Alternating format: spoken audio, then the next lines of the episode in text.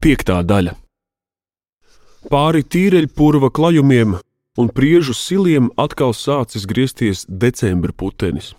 Aizvilkdams cieti ratu sliedes un tekas, kuras ieminuši agrāk atnākušie strēlnieki. Gluži balti top nevien purvu lauki, bet arī kareivju augumi, kas salīkuši cīnās tikt uz priekšu caur vēja brāzieniem un dedzinoši saltām sniega saujām, kuras stindzina vaigus un liek acīm asarot, saldādamas ciet viņu plakstiņus. Gatavais suņa laiks! dzird piktu ņurdēšanu, bet citur jau redz kūpam piedurknēs paslēptus papirosu dūmus. Un vienā otrā bērnu birzes malā, kurā tagad drūzmējas daudzi simti karotāju, sāk klaudzēt cirvji, kaut gan ienaidnieks tik tuvu, ka aizliegts sakurt ugunis. Zēni, iztieciet bez ugunskuriem! Dzirdi rājamies tos bataljonus, kuru kareivi te ieradušies agrāk un mitinās pārpildītās zemnīcās. Ja friči manīs ugunsblāzmu, dos savām baterijām ziņu, un tad mēs dabūsim izšrapneļu ugunis ar smagajām granātām. Jums labi runāt, sirdās vēlie atnācēji, kas gājienā nosvīduši un dreb no augstuma. Jūs aizņēmuši visas mītnes, bet mums jātup sniegā, un bez guns, neesam jau lauki irbis. Hei, puikas, stipiet malku šurp! Savā mītnē ir atlaidies uz lāvas, lai pirms kaujas mazliet atpūstos arī visu astoņu pulku vadonis rītausmas kaujā, bet viņam, kaut negulējušam jau vairākas naktis, vēl nenāk miegs. Nopūlētie nervi atsakās uzreiz slīgt gulēšanas skavās. Mītnē ir dziļa krēsla, lēni plīvo sveces liesmiņa, ar savu gaišumu dzīdama kaktos tumsu, kas nemitīgi lien no tiem ārā tiekdamās uz telpas vidu, un abu brigāžu kopējais vadonis Ziemassvētku kaujā vairs lāgā neapzinās, vai vēl ir nomodā, vai to pārņēmis miegs. Nu pat tak te neviena nebija. Aģutantam un ziņnešiem piekodināts modināt ģenerāli īsi pirms kaujas iesākuma, jo viss, kas bija darāms, jau padarīts, un tomēr vadonis mana, ka bez viņa te vēl ir kāds ko tūliņ saskatīs nogurušās acis, gribas spēkam ar varu ceļot augšup smagos plakstiņus.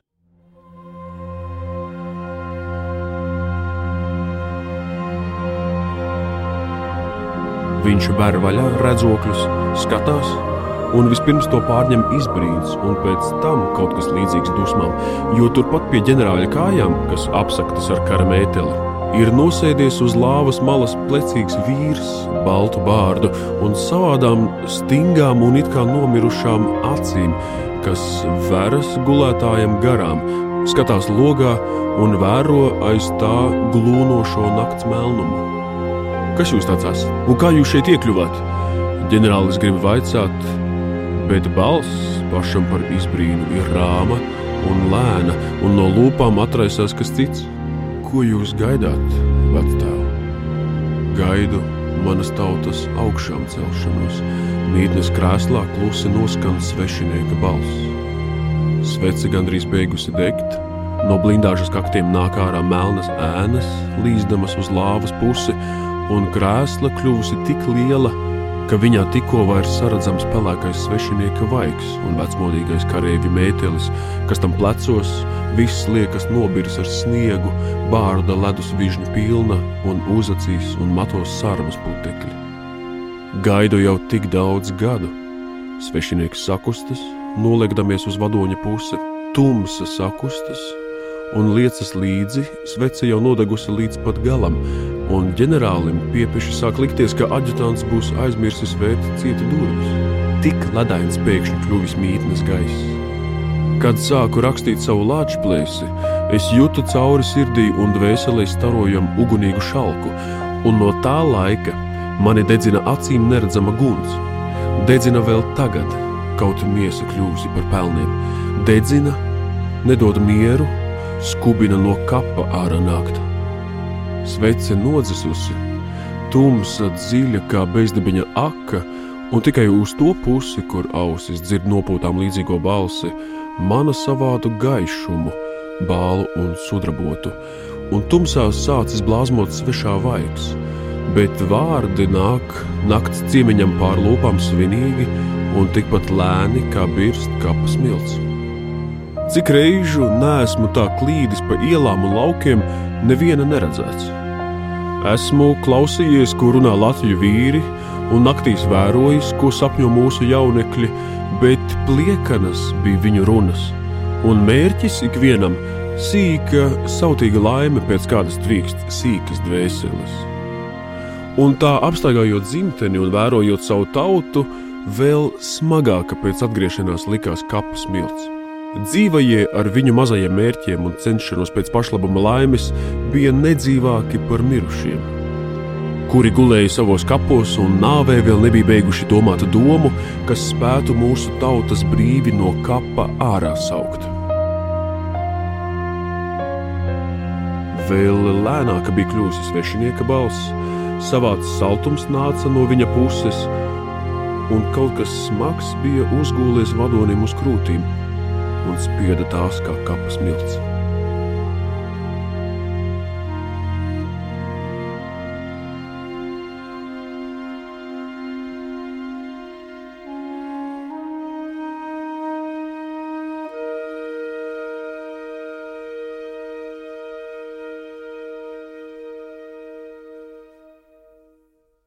Tad sāka dienvidpusē dunēt lielgabali, zemgalē dega mājas, un ar putekļu stabiem, kas cēlās līdz padebešiem, sāka vēlties uz Rīgas pusi bēgļu bāri, izklīzdami kur kurais kā nodzeltējušas lapas, ko rauj no koku zariem rudens vējš. Un līdz ar lielgabalu dimdēšanu, kas nāca arvien tuvāk, es sadzirdēju kādu šalku, kas brāzās pāri namiem, laukumiem un laukiem pulcējieties zem latviešu karogiem. Dvēsa šī šalka skriedama no sirds uz sirdi, un atbalsts, kas nāca viņai pakaļ, teica: Jo vairāk mēs esam zaudējuši, jo vairāk mums jāiegūst. Kurzemes vīri sāka apstāties bēgļu gaitās, Rīgas strādnieku jaunekļi cēlās kājās, vidzemnieki nāca viņiem talkā, un tautas cerības tos izvadīja kaujās, kur neredzams es gāju viņiem līdzi. Svešinieks saduga sevi, bet ap galvu tam vēl blāzmoja savāds gaišums, bālis sidrabots. Es gāju viņiem līdzi, pirmajās sadursmēs tepat tīreļpurvā, pie slokas, pretīm ikšķilei un pie ķekavas.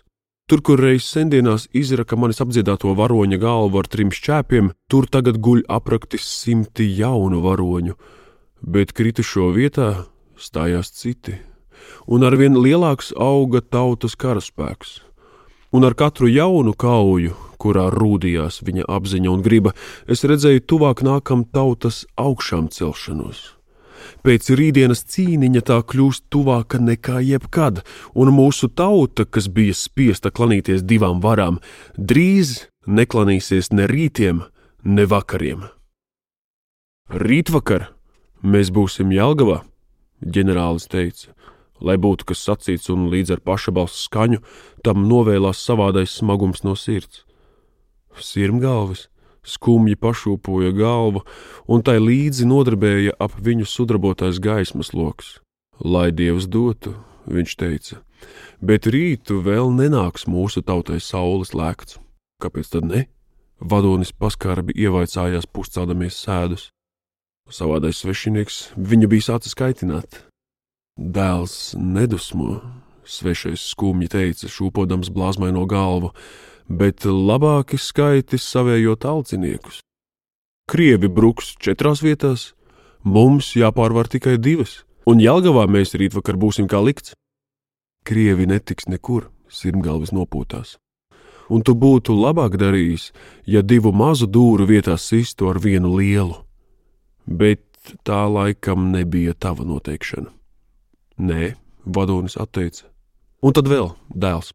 Svešais paskatījās vadonim sejā, un atkal stingrus un miris likās viņa acu skats. Tu rītdien esi uzņēmies nest vairāk, nekā cilvēks spēja panest. Tu gribi būt divās vietās, vienā un tajā pašā laikā, un beigās nebūsi nekur.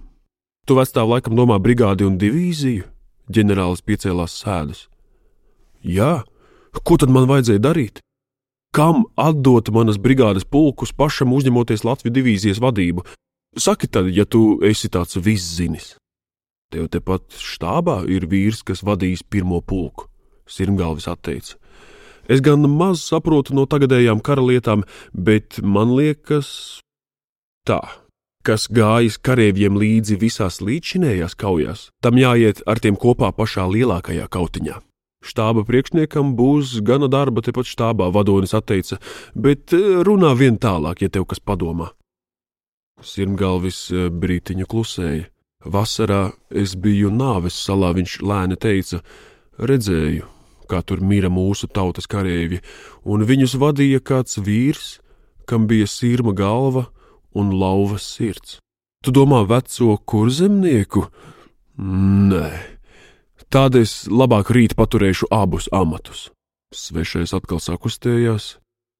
Vakar es gāju otrajam pulkam līdzi, un putenī dzirdēju kādu strēlnieku stāstam, ka viņu jaunais komandieris esot cēlies no vecajiem Latviju ķēniņiem. Dēls, sirmgalvis lūgdamies pacēla rokas, dari tā, lai rītu tas vada kaujā pirmos četrus pulkus. Kam ķēniņa asinis? Nē, ģenerālis spītīgi saslējās. Viņš tikko atnācis šurp, un karavīri to vēl nepazīst. Labāk es pats. Svešinieks piecēlās, un līdz ar viņu cēlās augšup gaišums, kas blāzmoja tam ap galvu, mezdams uz sarmainajiem pleciem savu bālo sudrabu.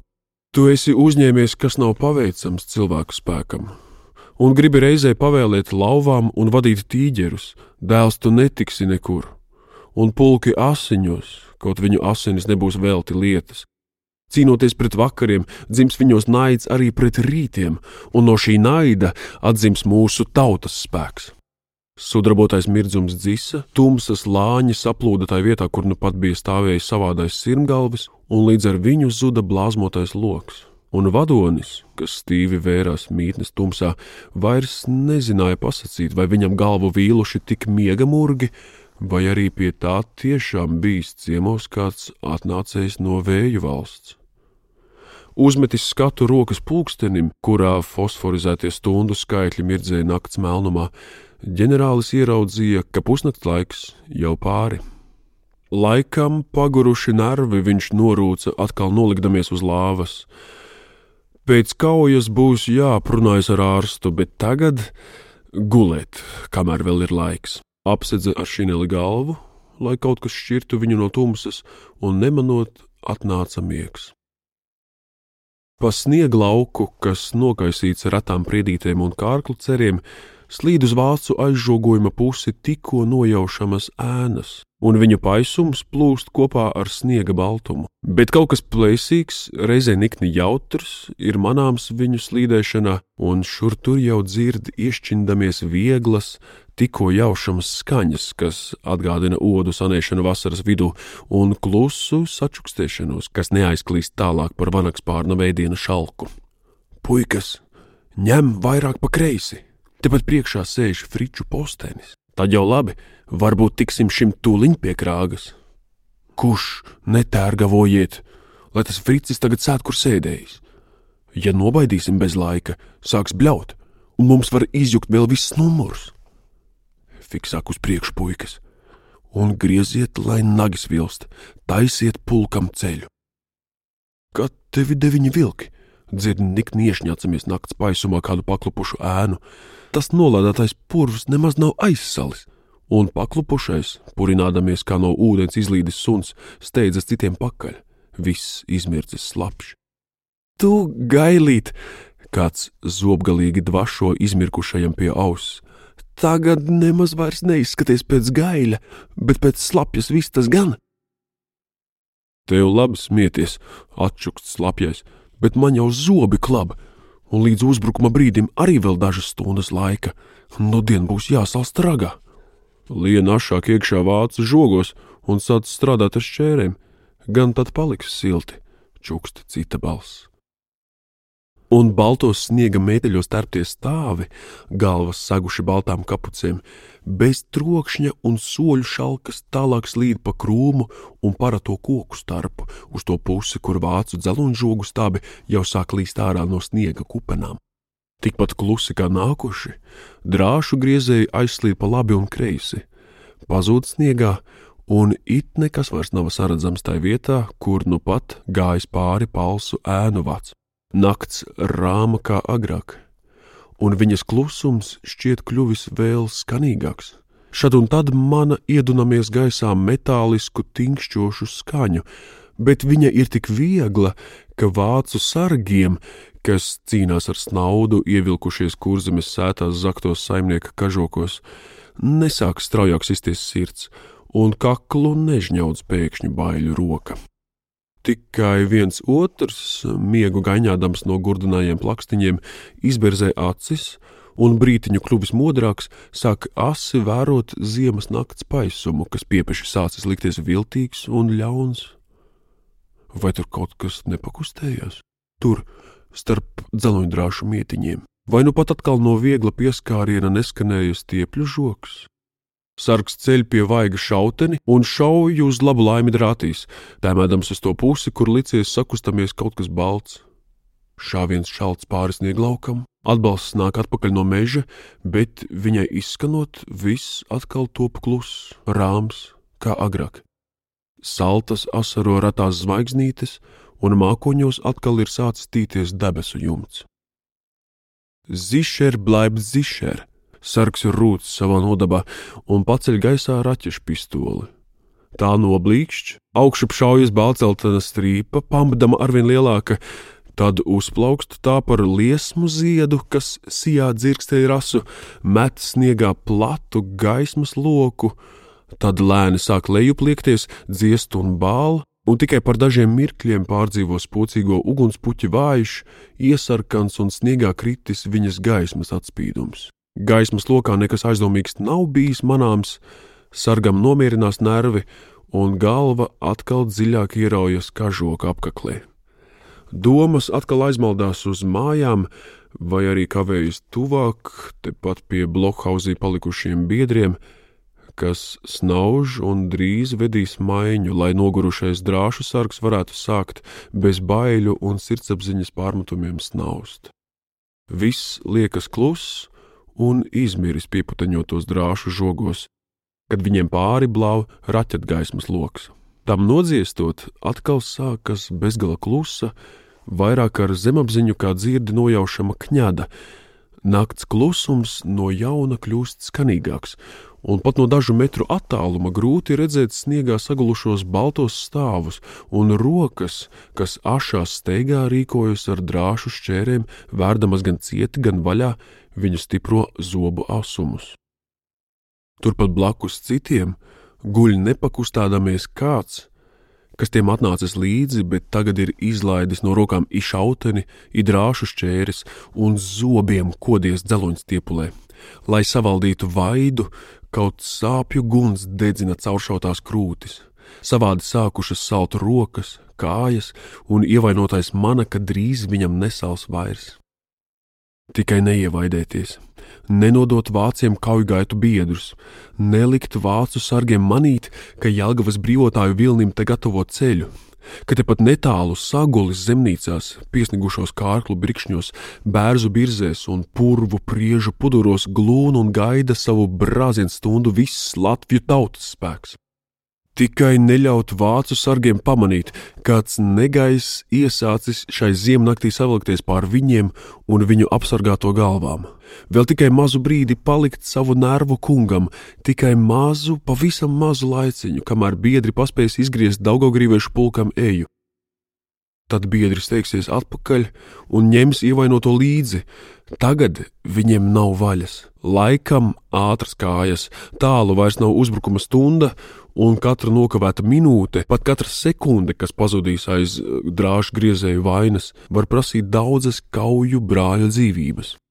Sāpes dedzina krūtis, stingsti rokas, nejūtīgas jau top kājas, un ausīs sāk skanēt tālu zvanu šalka, bet debesis, sākušas grīļoties, dejo zvaigznes, un tuvāk šķiet nākam netālais priežu sils.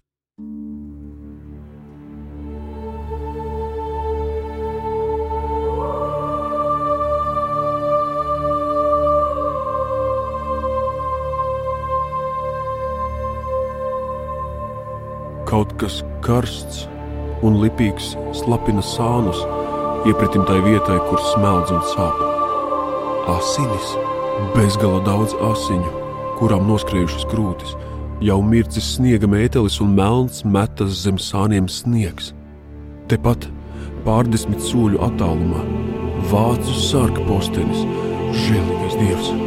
Tikai neļaut sargam saskatīt, kas te notiek. Apsekt asins palti ar paša augumu, rokām saraust sev virsū sniegu, lai balts atkal top tagad asiņainais, agrāk sniegam līdzīgais izlūkmētelis. Tikai neļaut pamanīt, ka biedri griež tālāk drātis. Ne pārsiet, ne aiznest smagi sašauto draugu viņiem nav vaļas. Rīts vairs nav tālu, drīz būs klāta lielā uzbrukuma laiks. Tikai neļaut. Atkal skrien gaisā raķete, Drāšu griezēji atkal saplūk sniegā, spiezdamies tam klāt ar plaukstām un sejām, censdamies iegrimt viņā ar visu augumu. Jaunas raķetes met pāri snieglaukam trīcošus gaismas lokus, un vācu sargi, nejausdami labu, sākuši biežāk šaut, lodes skrambās stiepuļmietiņus, skandina dzeloņdrātis, un paši sārgi vairs nevar lāgā izprast, vai tiešām šonakt kaut kas notiek ar viņu ierakumu žogiem, vai arī tur nekā nav, un vainīgas to pašu lodes, vainīga šaudīšanās steiga, jo balts un mirdzošs, svešu kāju neskarts, kā agrāk šķiet zaigojam žogu priekšā sniega lauks. Ak, tie būs tikai dzirdes maldi, nekas vairāk.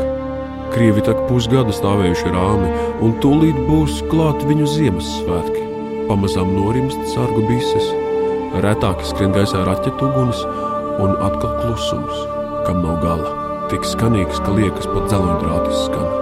Sargiem nomierinoties, atkal sakustas sniegā sakritušie augumi, sāku uzmanīgi stiepties rokas, vēras vaļā stiepuļšķēru zobi un klusi, pavisam klusi knikšķēdami krīt sniegā pārgriezto drāšu gali.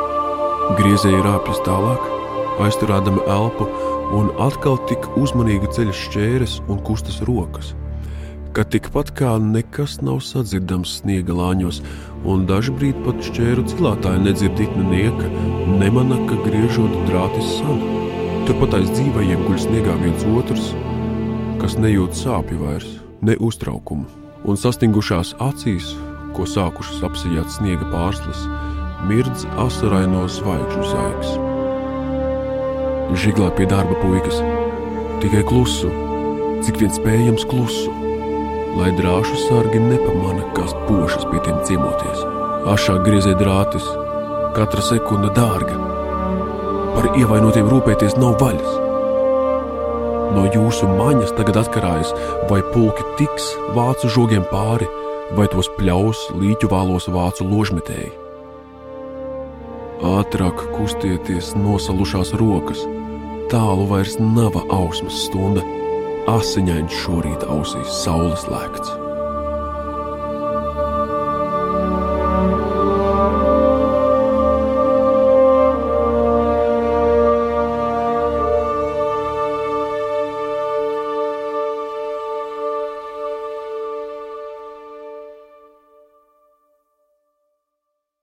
Izskanēja romāna Dvēseļu putenis, piektā daļa. Fragmentus atlasīja Dzintars Drēbergs, mūzikas autore Lolita Ritmanis, skaņu režisors Ivo Tauriņš, producente Māra Eglīte, lasīja Raimons Celms. Latvijas radioteātris 2019.